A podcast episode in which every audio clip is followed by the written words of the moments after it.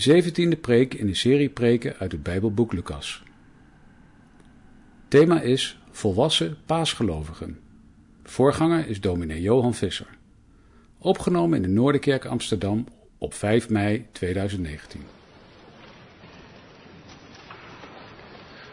We lezen vanmorgen verder uit wat Lucas ons te zeggen heeft, wat er allemaal na de opstanding uh, gebeurt. Dat doen we zo tot het, tot het Pinksterfeest uit het boek Lucas en het boek Handelingen. We zijn nu bij Lucas 24 aangekomen. Uh, het is een kort gedeelte waarin ontzettend veel wordt gezegd en, uh, en gebeurt. En een van de dingen is dat Jezus van zijn leerlingen de, ze hun, hun, hun oren opent, hun verstand opent, dat ze gaan begrijpen hoe dat zit in de schriften en met hem. En een van de teksten die daarin ook weer oplicht uit het Oude Testament willen we eerst lezen. Dat is Hosea 6, vers 1 tot en met 3. Want dan gaat het over die derde dag opstaan. Hosea 6, 1 tot 3 en daarna lezen we direct verder uit Lucas 24 vanaf vers 36.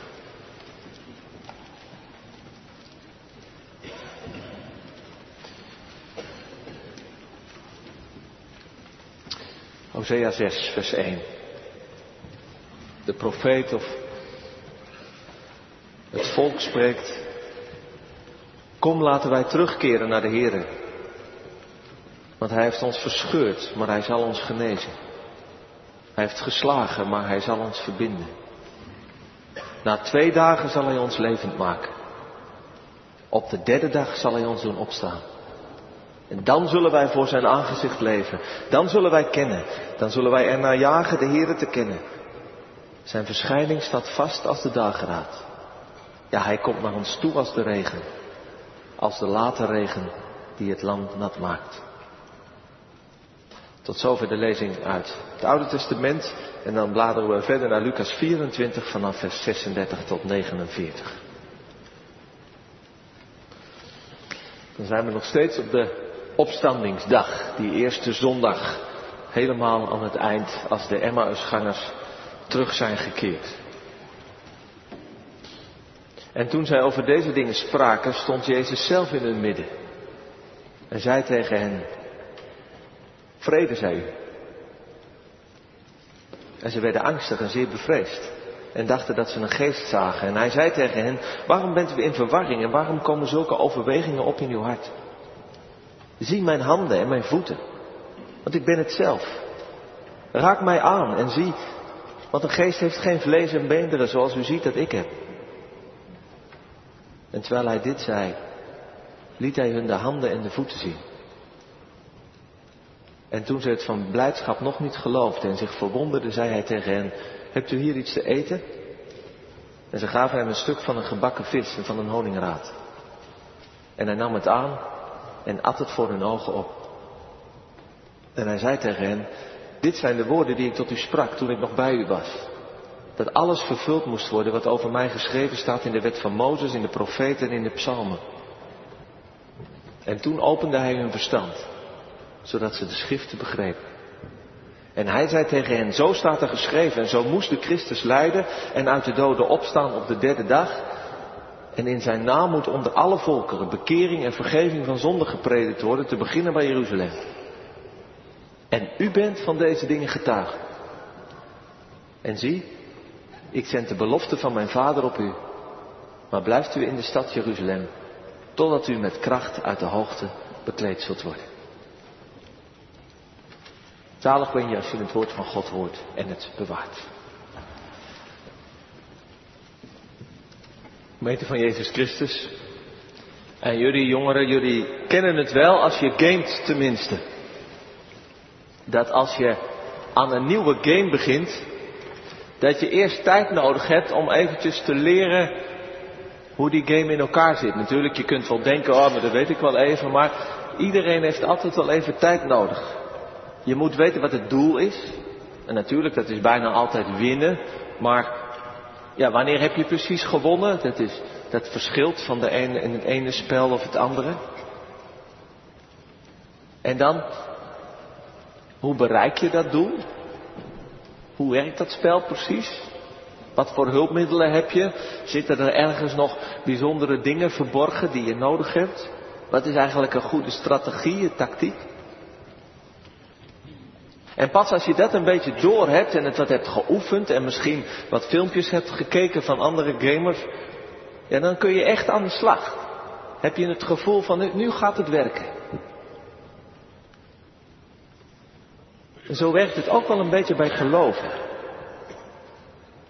Het doel van God is dat we volwassen gelovigen worden.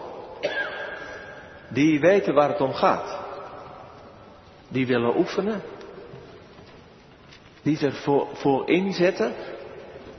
En die dat spel, zo zou je het wel kunnen noemen, dat spel van het leven met God in de vingers krijgen. En dat doel willen bereiken.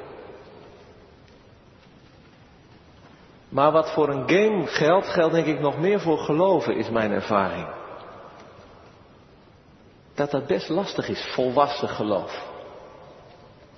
We blijven heel vaak hangen in een wat onvolwassen geloof. Een babygeloof wordt het in de Bijbel ook wel genoemd. Nog altijd weer aan de Nutrilon. Of ik las het vanmorgen, een tourbusgeloof. Zoals je hier toeristen wel eens in zo'n zo'n bus door de stad ziet gaan. Je rijdt wat rond, je ziet wat.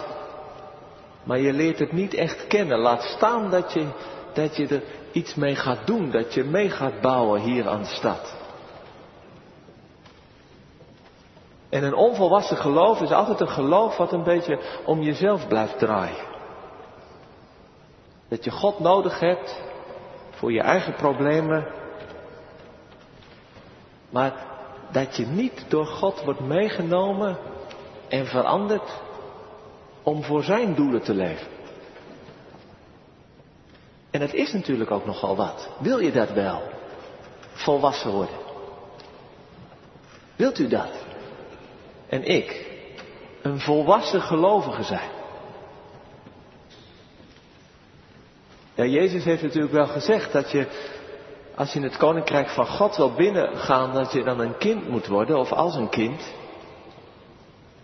Maar daarbij doelde hij op de nederigheid van een kind. In die dagen, dat is heel anders in onze tijd, maar in die dagen telde een kind niet mee. En zo moet je nederig, afhankelijk en in overgave het koninkrijk van God ontvangen. Anders zal het, zul je het nooit naar binnen gaan. Maar dat is natuurlijk niet hetzelfde als een kinderachtig en onvolwassen geloof. Dat God ziet als een, als een verlengstuk van jouw behoeftes.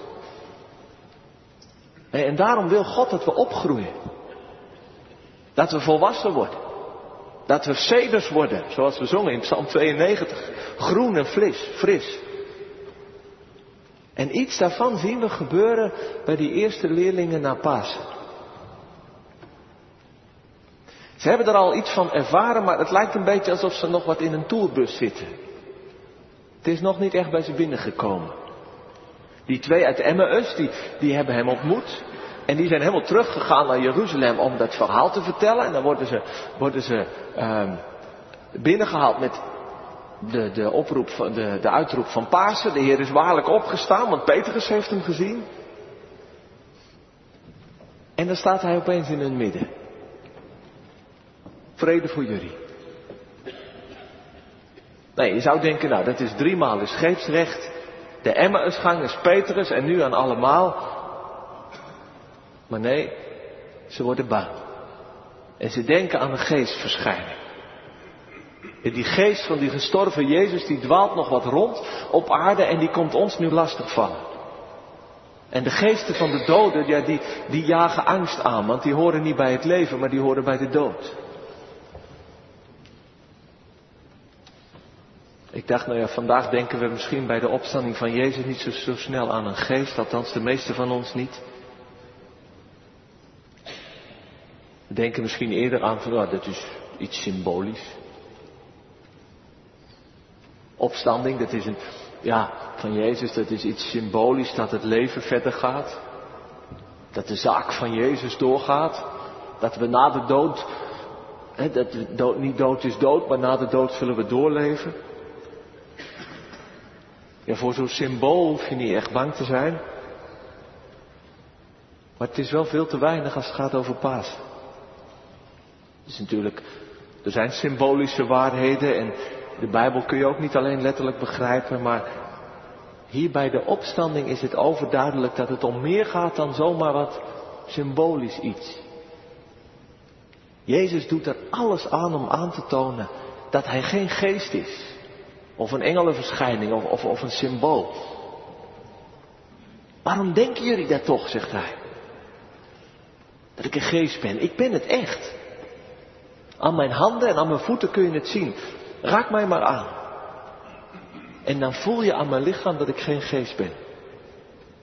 En dan laat hij hen zijn gewonde handen en voeten zien. Zijn wonden als herkenningstekens. En ze herkennen hem, maar nog geloven ze het niet.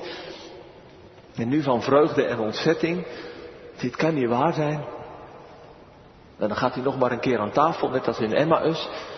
En dan eet hij nu geen brood, maar vis en honing. En je vraagt je af waarom Jezus er toch zoveel aandacht, geeft Jezus zoveel aandacht aan dat lichamelijk. Dat hij een lichaam heeft. Dat hij wonden heeft. Ik denk om te onderstrepen dat die verlossing van God niet alleen over onze geest of over onze ziel gaat of over leven na de dood, maar dat die ook gaat over ons lichaam. En daarmee over deze hele stoffelijke werkelijkheid waar wij in leven. Dat opgewekt. En door het eeuwige leven van God verloste lichaam van Jezus is een echt lichaam. En het is het eerste verloste lichaam van de mensheid, van de schepping. En daar gaat het om bij Paas. De Engelse theoloog Tom Wright, die probeert het uit te leggen met dat beeld van het nieuwe Jeruzalem, dat helemaal aan het eind van de Bijbel uit de hemel neerdaalt op de aarde. U kent het wellicht wel, hè? hoofdstuk 21 en, 20 en 21 van Openbaringen. Wij gaan niet naar de hemel, maar de hemel komt naar de aarde. De aarde wordt door de hemel gezuiverd, vernieuwd, verlost. God schept uit dat oude leven iets nieuws, een nieuw lichaam. Zo zal Hij de hele schepping opnieuw herscheppen uit die oude schepping. Een nieuw, zuiver, verlost bestaan. En Jezus is daarvan de eerste. Het begin. En natuurlijk, we kunnen het ons helemaal niet zo goed voorstellen wat het, hoe dat zal zijn. En dat hoeft misschien ook helemaal niet. Maar het is wel hoopvol. Deze wereld. En jouw leven, uw leven. Is geen wegwerpartikel voor een kosmische vuilnisbelt. Kijk maar naar Jezus. Naar zijn handen, naar zijn voeten. Zijn leven. Dat hele leven, zelfs dat leven wat aan het kruis is gegaan en afgedankt. Dat is verlost. Dat is verheerlijkt. En zoals het naar hem is gegaan, zal het gaan met alle die hem kennen. En zal het uiteindelijk gaan met deze hele schepping, ondanks alle wonden en scheuren en deuken en vuil. Maar die wonden die blijven wel zichtbaar.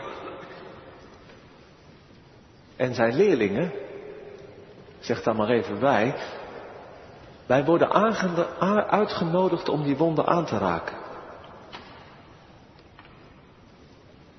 En ik heb me proberen voor te stellen hoe dat was. Dat je die, die wonden van die spijkers mocht aanraken.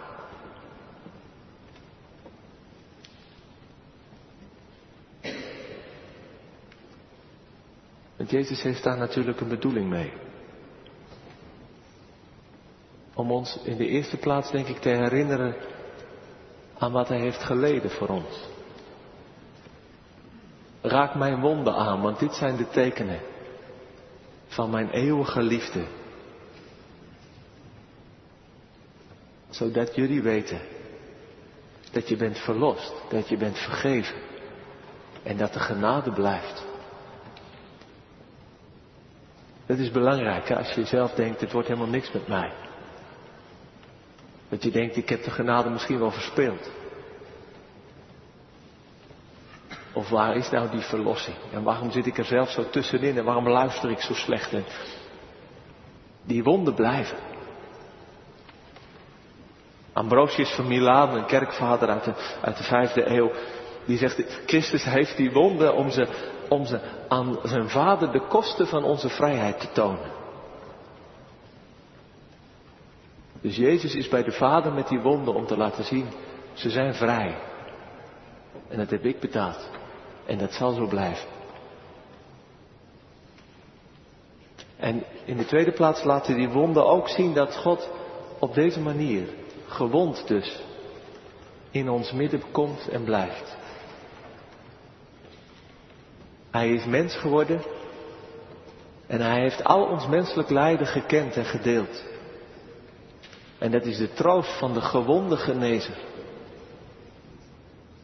Jezus kent onze wonden en ons verdriet en onze worstelingen en mislukkingen. En hij komt op die manier ook onder ons. Niet helemaal, helemaal nieuw, niks meer aan te zien, alles weg. Een soort total make-over. De Heere God doet niet aan plastische chirurgie om het allemaal weg te werken.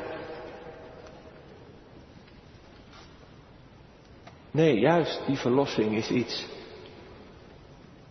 waardoor de kracht van God in je leven komt zoals het nu is. Om juist daar je leven aan te raken, te veranderen, te genezen. Maar niet zomaar de wonden weg te nemen. En dat het opeens iets heel anders wordt, of dat je maar een beetje moet gaan zweven en dat je met God in een heel ander leven terechtkomt. Dat is, daar, heb je, daar heb je drugs voor in de wereld, als je dat zo wil leven. Maar geloven in de opstanding en de verlossing van Christus is geen drugs. Maar dat is werkelijk in dit leven. Met alles wat er is, ook het ingewikkelde. Daarin. De verlossing van God, dat eeuwige leven te laten komen. En volwassen geloof betekent dat we niet wegvluchten van onze wonden. Dat we ook niet wegvluchten van de wonden van anderen en van de wereld. Maar dat we onze wonden zien en ook die van de anderen. En dat we met hoop en met eerlijkheid naar Hem toe komen. En Zijn wonden aanraken, omdat we weten dat in de wonden van Hem genezing is. En liefde en vergeving. En dat Hij onze gewonde levens ook zal gebruiken in Zijn plan. Dit hebben de leerlingen van Jezus dus nodig om, om volwassen paasgelovigen te worden. In de eerste plaats moeten ze weten dat hij echt is opgestaan. Het is niet zomaar een mooi verhaaltje of een symbool of een of andere geestesgebeuren. Nee, maar dit is Gods liefde, Gods eeuwige kracht en leven die op aarde is gekomen. Lichamelijk, echt in ons gewonden bestaan op deze wereld. En dat maakt een groot verschil. Want dat betekent dat dat nu in ons leven kan gaan werken. Raak zijn wonden maar aan. En dan, dan voel je, dan weet je dat hij in de eerste plaats heeft geleden voor jou. Voor jouw echte leven. En dat hij als de gewonde genezer in je leven aanwezig blijft. Maar we hebben nog meer nodig dan dat. Alleen maar dat weten van die opstanding en dat Jezus zo bij ons is. Jezus begint ook over de Bijbel. De wet, de profeten en de psalmen. Dus een uitdrukking voor het hele Oude Testament. Hij zegt, toen ik bij jullie was, heb ik al verteld over mijn lijden en opstaan. En dat, dat moest vervuld worden, want dat stond zo in de schriften. En dan staat er dat hij hun verstand opende, zodat ze de schriften gingen verstaan. Dus hij komt niet met 1, 2, 3 bewijsteksten van kijk eens daar staat het en zo klopt het. Nee, hij geeft ze inzicht in het hele verhaal van de schrift. De weg die God gegaan is vanaf de schepping via Abraham en Israël tot nu. En zijn lijden en zijn opstaan, dat is de climax daarvan. De climax van het nieuwe verbond en een nieuwe verlossing. Op de derde dag. Zoals we hebben gelezen in Hosea. De derde dag het is de dag van de doorbraak. Wanneer de verlossing echt doorbreekt. De Christus die moest lijden en opstaan op de derde dag. En dan, en dat is verrassend, in één ruk verder, in zijn naam moet bekering en vergeving van zonde aan alle volken worden verkondigd. Te beginnen bij Jeruzalem. Wat Jezus hier doet, is hun persoonlijke ervaring met Jezus in een grotere plaatje zetten. Dat van de schrift, van de Bijbel. Hun eigen geloof, hun eigen ervaring is te klein, te beperkt. En ook heel dat gebeuren van, van Jezus lijden en opstaan, hoe, hoe, hoe magnifiek en groot dat ook is, dat staat niet op zichzelf, maar dat, dat moeten ze begrijpen in het grotere plaatje van wat God gedaan heeft en nog doet en zal gaan doen. De weg die God gaat met de wereld. En ik denk, een volwassen geloof heeft dat ook nodig. Dat je het grote verhaal kent.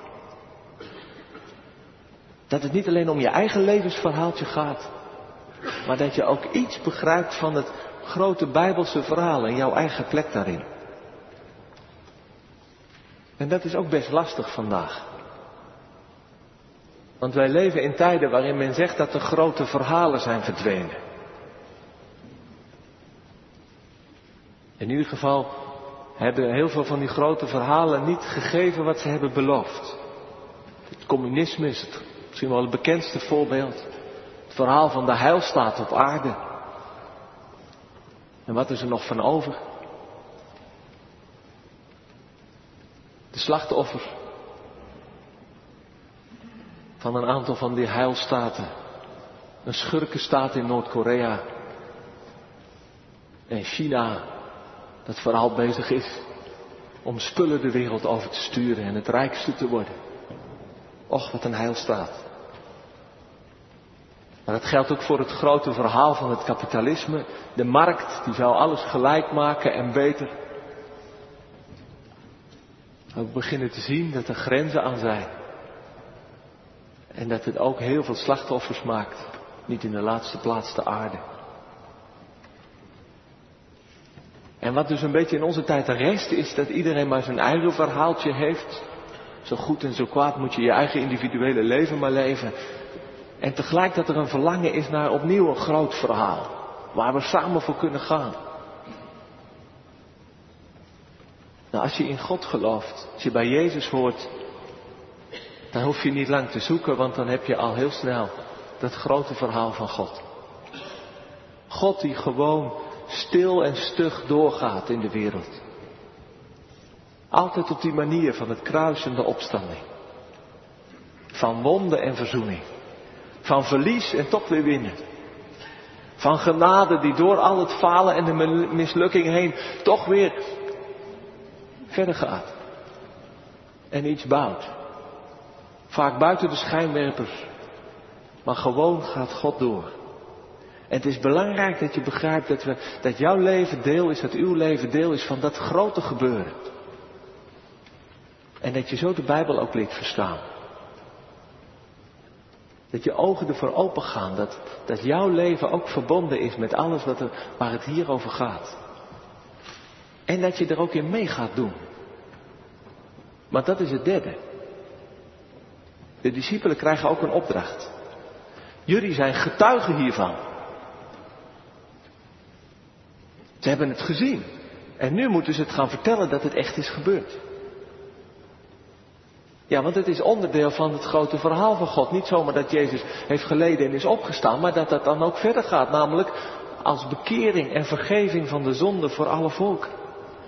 Het blijft niet bij het feit. Nee, wat daar in dat feit is gebeurd moet doorgaan. Dat er mensen een nieuw leven beginnen. Dat ze weten van vergeving, dat ze ook echt opnieuw kunnen beginnen. En niet alleen individuele mensen, maar ook de volken. Dat is het grote verhaal, het grote plan van God. En daarin wil Hij ons gebruiken. Als getuige. En ik denk dan begint ons volwassen geloof en ons volwassen leven pas echt. Als je een taak krijgt.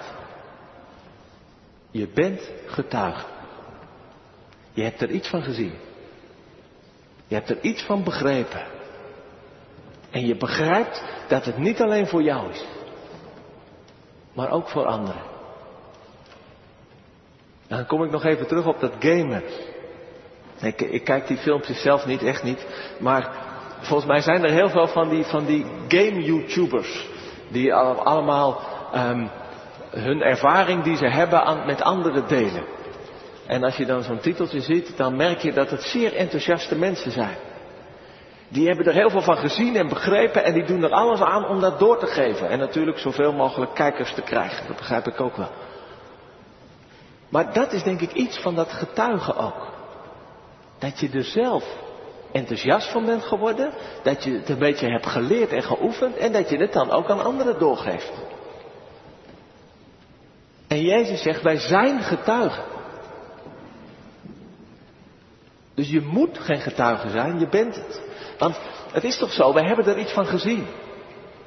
En we hebben er iets van begrepen. Op het moment dat je verstand is opengegaan, je er iets van hebt begrepen. Met horten en stoten en natuurlijk met veel geduld en genade van God. Maar uiteindelijk wel genoeg om getuige te zijn. Zodat je in wat je doet en in wat je zegt, in wat je uitstraalt. En in de keuzes die je maakt. Dat je daarin iets getuigt, laat zien. Ja, van de wonden van Jezus. En van het nieuwe leven van Jezus. En van de vergeving en de bekering die daaruit vloeit. En dat je dat dan ook nog eens aan anderen gunt. Ik kan zeggen, nou het zou heel goed voor jou zijn ook.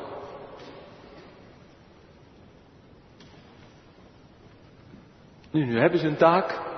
En dan sluit ik af. En dan is het wonderlijke en misschien ook wel het bemoedigende dat Jezus ze niet gelijk erop uitstuurt. Blijkbaar hebben ze nog even iets meer nodig voordat ze mogen gaan. Eerst wachten op de belofte van de Vader. Het is de geest die als de kracht uit de hoogte over je komt en waarmee jullie worden bekleed, zegt Jezus. Dat viel me opeens op. Bekleed, dat is als een jas die over je, wordt, over je schouders wordt gelegd. En dat is denk ik ook wel een opdracht, opdracht voor ons allen. Om te wachten. Tot dat gebeurt. En dat is niet zomaar een beetje afwachten, maar dat is actief wachten. Je uit te zien, je uit te strekken. Dat over onze onvolwassen schouders en misschien met heel veel wonden. En met veel vraagtekens en veel van ons eigen ikje. Dat God ons een, nieuw shirt of een, of een nieuwe jurk aandoet. En dit is natuurlijk wel een moment, hè. Als je voor het eerst volwassen kleren aan kan gaan doen. Dan loop je in de winkel en dan hoef je niet meer naar de kinderafdeling. Maar dan loop je naar de mannenafdeling of de vrouwenafdeling.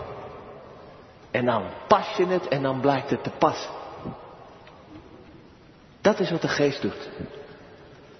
Die trekt ons de jas aan van volwassen dochters en zonen van God. Zodat we niet meer in angst leven. Dat we niet meer leven in een beetje, nou ja, we hebben de Heere God nodig alleen maar voor onze eigen probleempjes. Niet meer als slaafjes, niet meer als baby's of toeristen in het geloof. Maar dat we volwassen getuigen zijn van de opsta opgestaan. En dat we zijn grote verhaal mee gaan doen. Dat we mee gaan spelen. Met de gewonde winnaar. Amen.